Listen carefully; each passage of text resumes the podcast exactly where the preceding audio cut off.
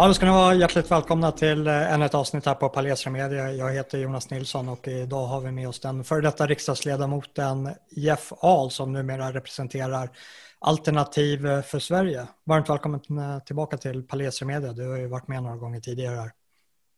Tackar så mycket.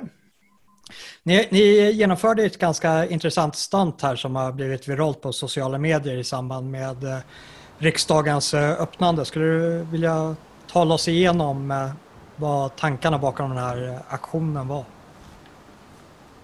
Ja, kortfattat kan vi säga att vi har eh, diskuterat länge inom alltså ledning och även nere i kretsarna att vi behöver komma ut med mera reklam egentligen. Så det här har ju varit på initiativ mycket av att Gustav har sagt att vi, ja, vi får leta möjligheter att eh, ja, men, någonstans få ut vårt budskap. Eh, det kan vara smått, det kan vara stort. Eh, och då var det en medlem i eh, Stockholm som åtog sig att helt själv bekosta möjligheterna då att, eh, att göra reklam med, med det här flygplanet. Då. Och det passar ju alldeles utmärkt att det här kommer då precis vid riksdagens öppnande, att man kör det här flyget över riksdagen. Och det är ju helt omöjligt för några andra partier eller andra aktörer i samhället att eh, tysta eller mota bort det här. Det är ju inte så att, eh, ja, vi har ju sett det tidigare, vi har haft problem att nå ut med reklam. Men det här är ju ganska svårt att stoppa. Det är ju ingenting som, eh, som etablissemanget har kontroll på. Och eh, det som är intressant är ju ändå att vårat, vår partilogga är så pass inarbetad nu. Vi är så pass inarbetade kring frågan om återvandring också att många vänstermänniskor och även då såklart nationalister reagerade och kopplade ihop det här direkt med oss utan att, ja, vi hade inte skrivit partinamnet. Men, så det ses som något väldigt positivt. Är det här ordet, det är ett ensamt ord som stod på den här eh, bannen, återvandring. Är det, är det ordet som sammanfattar eh, Alternativ för Sverige helt och hållet?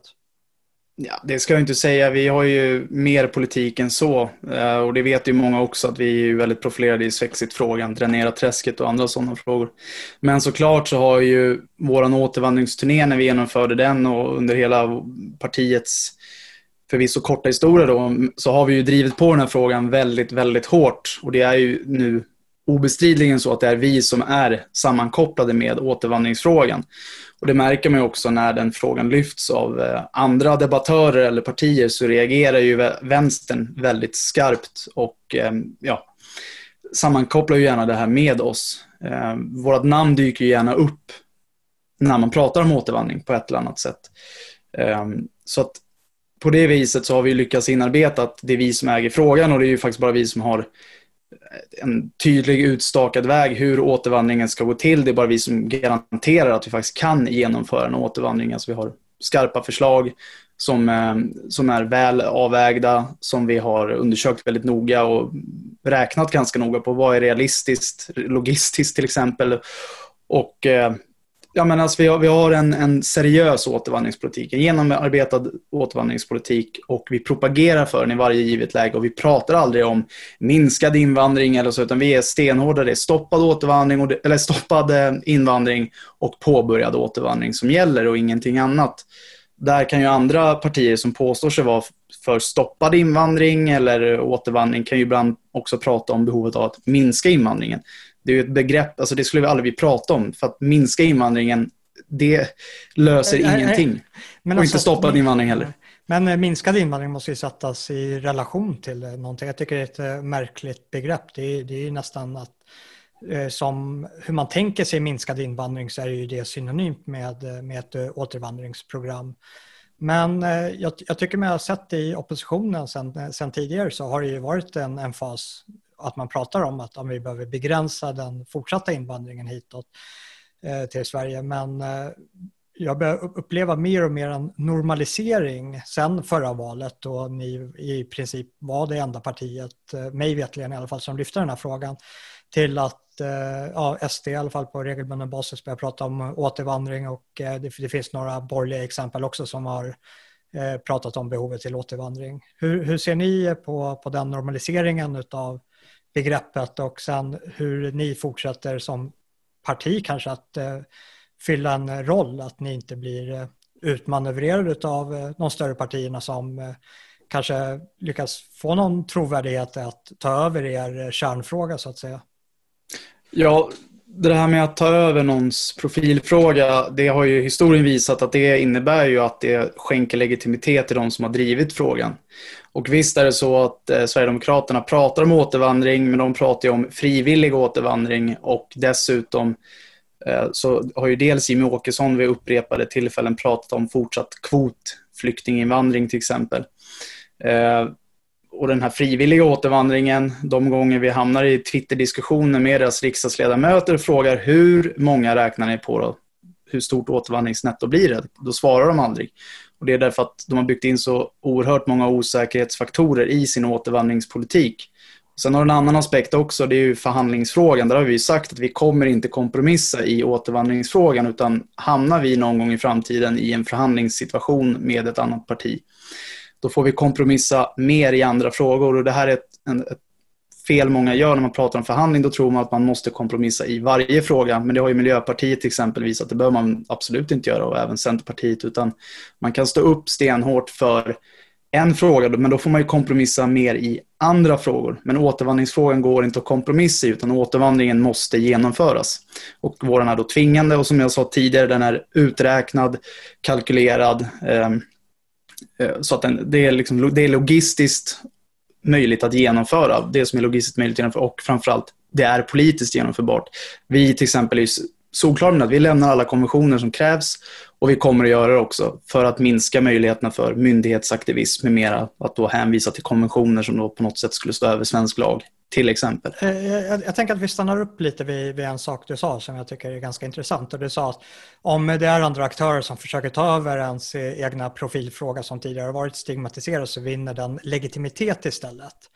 Och eh, är, är det någonting nu man ser när eh, många aktörer, ja, till och med vår egen statsminister som eh, gjorde en ganska vag sammankoppling mellan migration och kriminalitet, är ju att ämnena i sig själv kanske får, får en legitimitet men det, det, är en fortsatt stigmatisering mot de aktörerna som lyfter de här frågorna i ett tidigt skede. Ja, men det är inte så konstigt. Det finns ju flera skäl till det här. Det finns ju en, en eh, politisk agenda från olika aktörer, inte bara politiska partier utan andra aktörer runt om i världen också. Det behöver vi inte fördjupa oss om här direkt, men eh, där man såklart har en vilja av att fortsätta en hög invandring. Men sen har vi också politiska partier. De har ju flera skäl varför de vill stigmatisera till exempel oss. Därför om nu återvandringsfrågan kommer upp på bordet, där börjar bli en fråga som faktiskt debatteras och diskuteras och inte bara av politiska partier utan även av olika samhällsdebattörer. Jag tänker till exempel på Ivar Arpi eh, på Svenska Dagbladet då, för de som inte vet vem det är. Eh, och, och det, anledningen då till att de politiska partierna också vill se en stigmatisering, det är därför att de inte vill bli av med sina riksdagsplatser. Alltså det finns en egoistisk tanke här också där man ser till sig själv helt enkelt. Man vill inte bli av med de, eh, de fördelar som det innebär att sitta i riksdagen. Det är ju många som sitter av sin tid i riksdagen och gör ingenting egentligen. De sitter bara och plockar ut lön och så vidare. Och det är ju ett sätt att köpa lojalitet internt i partier också. Och partier då där de, som blir av med riksdagsplatser Eh, får ju problem internt också då, för då kan man inte längre köpa lojaliteter och så vidare. Så därför utgör vi ett, ett, ett hot på det sättet också, mer än rent då politiskt mot den här eh, uppenbara agendan som finns från flera olika aktörer, både inom Sverige och utanför Sverige, som vill se en eh, fortsatt hög invandring till Sverige och definitivt är motståndare till återvandring. Jag såg ett intressant eh, klipp, jag tror det var memingenjören på Twitter. Eh, ni som har Twitter så är det ett konto väl värt att följa. Men eh, jag tror att han hade satt samman en intervju med Jimmy Åkesson från 1998 då han förutspår punkt och pricka den situation vi har idag med mångkulturens negativa konsekvenser i samband med allt ifrån klanröstningar till Eh, Eh, gängkriminalitet som är kopplad till, eh, till ursprung som eh, baseras på släktskap. Och så under hela den här tidens gång så har vi hållit väldigt hårt på det, det humanitära perspektivet till anhöriginvandring som definitivt har spett på de här klanstrukturerna. Och så ser man det i retrospekt över vilken demonisering aktörer som Jimmie Åkesson och ja, men det är själv också som arbetat publikt för Sverigedemokraterna länge och nu Alternativ för Sverige vilken smutskastning och eh, alla de här karaktärsmorden som ägt rum och sen nu kommer de här karaktärerna som har bedrivit den här hetsjakten och i princip säger samma sak. Alltså för mig, det, det räcker inte med en ursäkt från Stefan Löfven att han kopplar samman migration med kriminalitet, att han ber om ursäkt till Sverigedemokraterna för att han har stigmatiserat dem som nazister under alla dessa år. Alltså hur, hur eh, kan man överbrygga den eh, polemiken och eh, polariseringen som samtalet har blivit inslängt i på grund av att de här aktörerna från etablissemanget aldrig har velat diskutera de här frågorna på riktigt under väldigt lång tid. Ja, alltså, om vi nu ska prata att minska polariseringen då, så är det väl inte riktigt vare sig min eller mitt partis uppdrag att göra det, tycker jag. Eh, jag Eh, även om jag såklart har riktat kritik mot Sverigedemokraterna även idag och tidigare så finns det såklart en, en viktig roll för SD att fylla här och det är väl just det att vara den här bryggan då som ska på något sätt minska polariseringen och mjuka upp de större skarorna. Men det krävs ju då också fortfarande, säger jag, en aktör som fortsätter att agera i det här polariserade klimatet som finns för att bredda åsiktskorridoren, för att de här frågorna eh, Eh, är, fortsätter att vara högaktuella och framför allt, det här är det viktigaste tycker jag, det är att retoriken omvandlas till faktisk praktisk politik. För vi ska ju ha klart för oss att det spelar ingen roll vad Stefan Löfven eller Ulf Kristersson säger. Båda två har ju aktivt varit med och förstört Sverige. Det räcker inte med en ursäkt från deras sida. Antingen så förpassas de här två aktörerna till någon sorts politisk biroll där andra partier kliver fram och tar på sig ledartröjan. Och på det sättet så får vi en faktisk och praktisk politik i en viss riktning. Man behöver inte vara ett jättestort parti. Den som förnekar att Miljöpartiet har varit en av de ledande aktörerna i svensk politik, alltså den som förnekar det har ju inte hängt med överhuvudtaget och de har aldrig varit ett jättestort parti utan det krävs ett litet spetsigt parti och sen ett större parti då såklart som kan försöka överbrygga skillnaderna, fånga lite större röstantal. Så att jag ville bara säga det här om någon upplever att jag är väldigt kritisk mot SD så är det ju för att jag tycker inte man ska urholka sin politik, men jag kan också ha viss förståelse för att man kanske tonar ner sin retorik. Men det gäller att ha en balans här också. Vart någonstans tonar man ner retoriken så mycket att det får negativ återverkning i den praktiska politiken också? Det är väl där jag fortfarande har och kommer fortsätta ha så länge det fortgår en kritik mot SD där man faktiskt urholkar viktiga politiska områden. Man, man, eh, ser en, man... Eh, man ser en tydlig båge hos SD, för jag tänker på det här klippet från 98 med Jimmie mm. Åkesson, att eh, i det klippet så skulle han lika gärna kunna ha varit en representant för Alternativ för Sverige och sen så har det skett en pragmatisk anpassning till eh, ja, men den korridoren som finns för att man vill nå ut med sitt budskap och sen så har man nu idag försökt agera någon gravitationskraft tillbaka till det partiet man kanske en gång i tiden var. Men eh, det, det jag tänkte, för ni har ju ett tydligt exempel nu på med den här stigmatiseringen över att ja, men vi kanske behöver prata om vissa frågor men de här gamla aktörerna som har lyft de här frågorna tidigt får, eh, eh, får fortfarande utstå en viss form av stigmatisering men det är ju mer än så. För ni spelar ju efter olika regler också.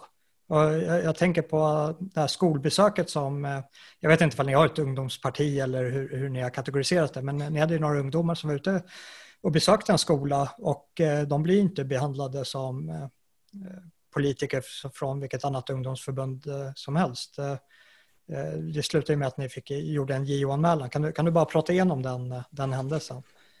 Ja, först vill jag ge stort beröm till våra unga aktivister som vi har i det här partiet. De gör ett jättestort arbete och ni som inte har sett klippet med Kristin och Mattias kan ju gå in på eh, våra Twitterkonto eller Facebook så kan ni se de här två personerna är väl jag värda att följa. en länk till dig i beskrivningen. Jättebra, för de, eh, de förtjänar all, all cred man kan ge. De är, jag är oerhört imponerad och kul att se att vi har det här drivet. Och nej, vi har inget ungdomsförbund och eh, jag själv ser ingen mening med att ha ett ungdomsförbund. Yngre människor behöver fostras av äldre och eh, de yngre behöver driva på de äldre. Det, det samspelet ska fungera eh, och finnas och därför ska man inte ha ett ungdomsparti tycker jag. Och jag tror inte det är aktuellt heller. Vi får väl se. Men i alla fall, jo, nej, de ehm, bedrev ju sin aktivism där och eh, där tydliggörs det också hur infiltrerade ehm, olika aktörer i samhället är och då jag tänker de byråkratiska aktörerna framför allt. Och det här är ju välkänt, det är säkert många av de som tittar här på Palestra som är väl medvetna om 68-vänsterns marsch genom institutionerna. Och de kontrollerar ju idag jättemånga myndigheter. Det är vad de gör och det är ju också en aktör man måste ha, ta i beaktande hela tiden när man utformar politik för framtiden också. Det är därför vi också driver den här frågan om att dränera träsket. Eh, och det innebär ju egentligen att man byter ut chefer på högre nivåer som i sin tur sen får städa i sina respektive myndigheter och sparka ut de här politrukerna och sen då såklart få tillbaka ett tjänstemannaansvar där man faktiskt kan dömas eh, i domstol för allvarligare brott. Eh, till exempel om man nu är inte jag min uppgift som politiker att säga vad exakt vad utfallet ska bli, men de här två rektorerna som agerar direkt antidemokratiskt och eh, varav den ena rektorn mer eller mindre agerar polis, vilket hon inte är.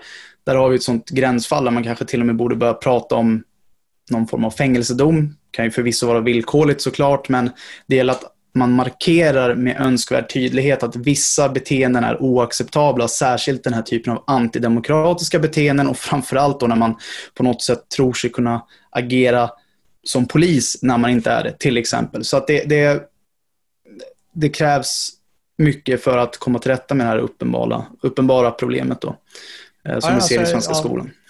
För, för det är ju ett fruktansvärt brott när man tänker mm. efter på det.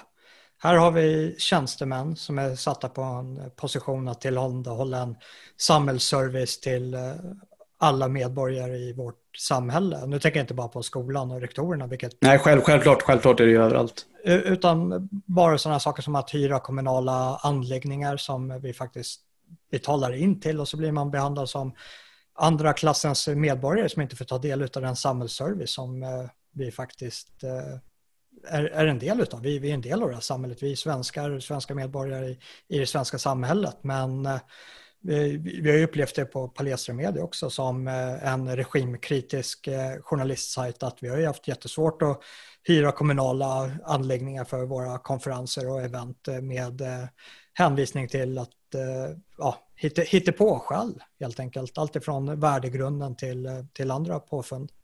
Och det här att spela på samma spelplan men att vi har olika spelregler. Det, det, är ju någonting som rättsväsendet borde se väldigt, väldigt allvarligt på. I alla fall får man ge sken av att vara en eh, fullgod demokrati. Nej men absolut och vi ser ju även det i den här löjeväckande rapporten som Ranstorp och vad hette Alin gjorde. Ja. Eh, nu har jag inte läst hela men jag har läst slutsatsen och läst igenom. Jag kollade ju självklart så att jag också fick vara med där så man bekräftar att man är, man är någon av värde också. Nej, men skämt åsido, men det är ganska, alltså det är löjeväckande hur man eh, stigmatiserar människor som du säger och pekar ut ett problem. Man eh, får inte spela på samma villkor, man smutskastas med mera. Nu är ju både du och jag så vana så vi skrattar ju bara åt det och som sagt skulle ju sett det som något negativt att inte få med i Ranstorp, Ranstorps fjantiga eh, rapport som han släppte. Men sen Eh, Eh, och det, det, har vi ju sett också i de kommuner där Sverigedemokraterna har tagit över till exempel hur de har haft enorma problem med, eh, med byråkraterna som har suttit där. Och det är ju återigen då, det är ju för att många av de här kommunerna har ju också, och framförallt i många kommuner ännu mer, drabbats av den här infiltrationen av olika eh, personer från den här beryktade 68-vänstern och 68-vänsterns arvtagare. Eh, och det ska ju sägas, framförallt på lokal nivå så finns det ju väldigt många bra Sverigedemokrater kvar. Så jag ser det inte som konstigt att de hamnar i direkta konflikter med, med eh, byråkratin i respektive kommun. Därför att de står ju upp för den gamla hedliga sverigedemokratiska politiken och jag, tycker, jag, ser, alltså, jag ser det inte som negativt till exempel när väldigt många av de här tjänstemännen avgår. För då blir man ju av med dem. Ehm, så där har det ju börjat en viss dressdränage lokalt när olika lokala Eh, SD-politiker har agerat. Och vi har även sett eh, Louise Eriksson som agerat föredömligt och på ett ganska stegvis, effektivt sätt och ganska snabbt tar död på den här hbtq-rörelsens eh, inflytande i, i, sin kommun. Det är ju ypperligt agerat skulle jag vilja säga. Alltså det, det visar det, det, det, går om man vill och det är ju samma sak med eh, Trump på nationell nivå i USA när att, att han, ja, men de här flaggorna de hör inte hemma på våra myndighetsbyggnader. Det är, det är så enkelt, för det är en sån liten högljudd minoritet på vänstersidan som har på något sätt fått kniven på strupen på hela etablissemanget när det kommer till de här frågorna. Och eh, borgerliga aktörer har svårt att säga emot dem för att det, blir känsligt. Folk blir upprörda och folk blir ledsna. Det, det, det blir eh, så frånkopplat verkligheten på något sätt. Minoritetens tyranni som Nassim Taleb uttrycker det. Nej men precis och det där är ganska intressant och det är ju intressant att kolla på er kanal. Jag tycker det är bra också att ni tar upp just den här kritiken av borgerligheten. Men det man ska också se fördelen med svensk borgerlighet som den alltid har varit. Den är, den är ju följsam. Alltså den, eh, den är formbar om vi säger så. Det är ju, för att uttrycka mig diplomatiskt, inte de tuffaste människorna som är eh, med de här partierna. Utan det är ju väldigt eh, politiskt svaga människor helt enkelt. Och det är ju gynnsamt för oss eh, inom den nationella rörelsen också, för det innebär ju att när väl pendeln svänger så kommer ju de att följa oss. Men då förutsätter det också att man visar ledarskap, att man står på sig och pekar ut riktningen med hela handen som jag tycker att Sverigedemokraterna gjorde fram till 2015 och som Sverigedemokraterna lokalt och till exempel i Sölvesborg har visat att det fungerar. Det här måste man ju fortsätta göra. Och det vill ju Alternativ Sverige göra och jag hoppas ju, också, förutom att jag hoppas klart att Alternativ Sverige kommer in i riksdagen och kan börja påverka och synas där också, så är det också en viktig del för AFS är ju att på olika sätt få de eh, sverigedemokrater som är kvar inom partiet, som är nationellt sinnande, att de får en större påverkan inifrån i sitt parti också och även på riksplanet kan agera som man har gjort i Sölvesborg till exempel där man faktiskt lyckas driva utvecklingen i rätt riktning. Um, ja, jag där, där, blir, där blir ju svensk, svensk borgerlighet eller svensk mesighet eller vad vi ska kalla dem en ypperlig aktör att utnyttja för att driva eh, saker i den riktningen vi vill. För att fortsätta lite på samma linje, det jag tycker karaktäriserar den här svenska borgerligheten, för man ska ta ner det till lite så individnivå och liksom låta det här vara en arketyp för vad de här partierna utgör, så är det ju en människa som vill att saker och ting ska vara rätt. Alltså de är ganska följsamma när det kommer till lagar och förordningar och regler och sånt där. Men det är också en aktör som saknar styrkan till att skapa rätt. Att liksom staka ut att om det här är det som är rätt och det vi gör nu är fel. Eh, det finns en väldigt svaghet och ängslighet till att eh, verkligen Verkligen ängslighet, där, där, det är ju verkligen rätt ord för att, att karaktärisera. Eh, och för, att fortsätta lite på skolan där, det, det är ju en JO-anmälan nu. Hur, hur tror du att det kommer att slå ut? Ja, det beror helt på. Eh, bara för att Sverige är korrumperat myndigheterna då, så är inte allt korrumperat. Eh, det ska man ha klart för sig. Det finns ju fortfarande krafter kvar inom rättsväsendet som är korrekta. Så är det ju.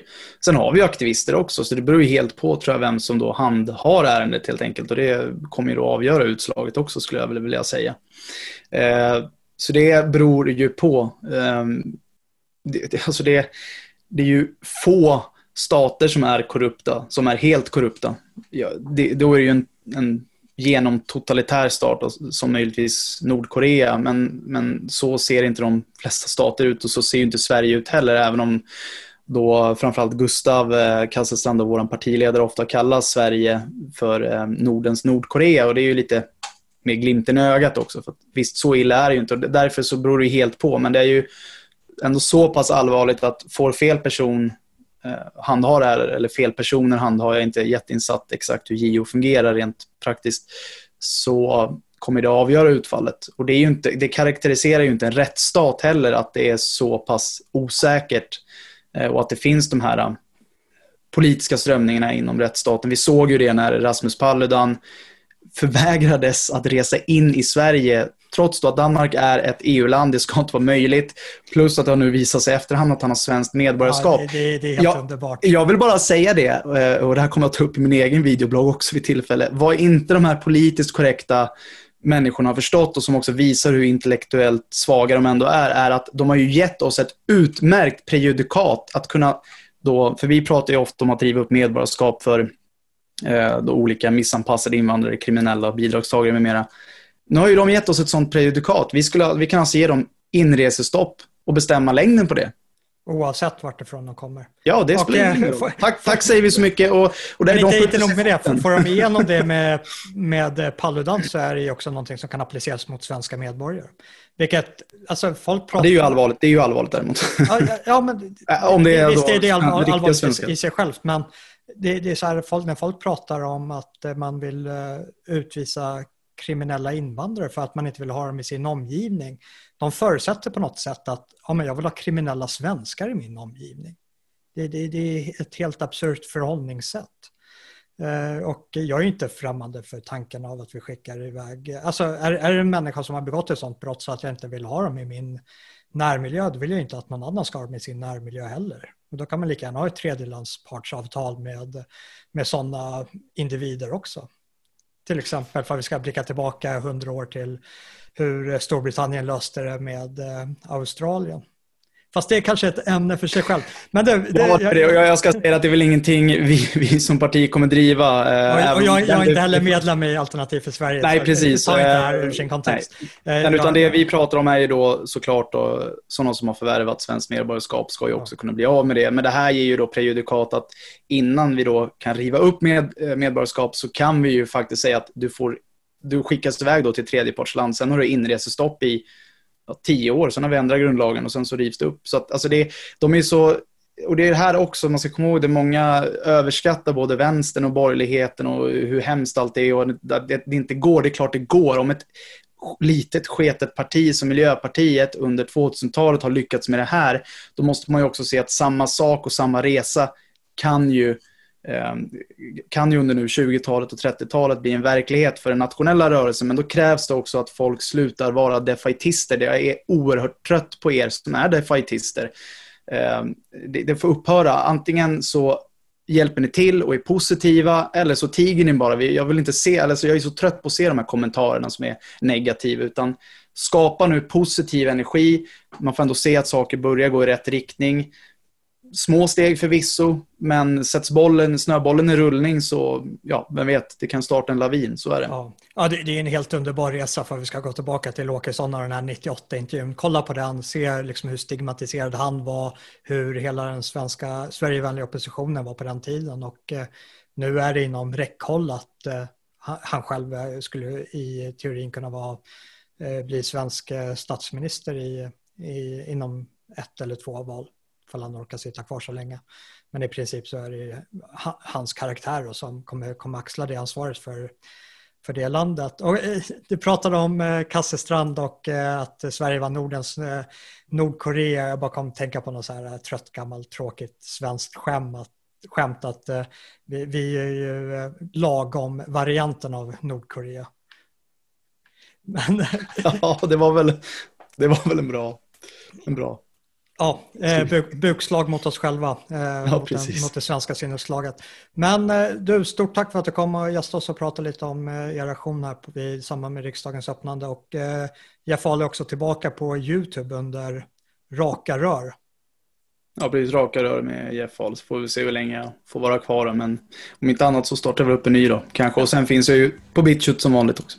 Ja, vi lägger länkar till eh, Jeff Ahls kanaler på YouTube och på BitChute här i beskrivningen under. Och så syns vi till eh, nästa avsnitt.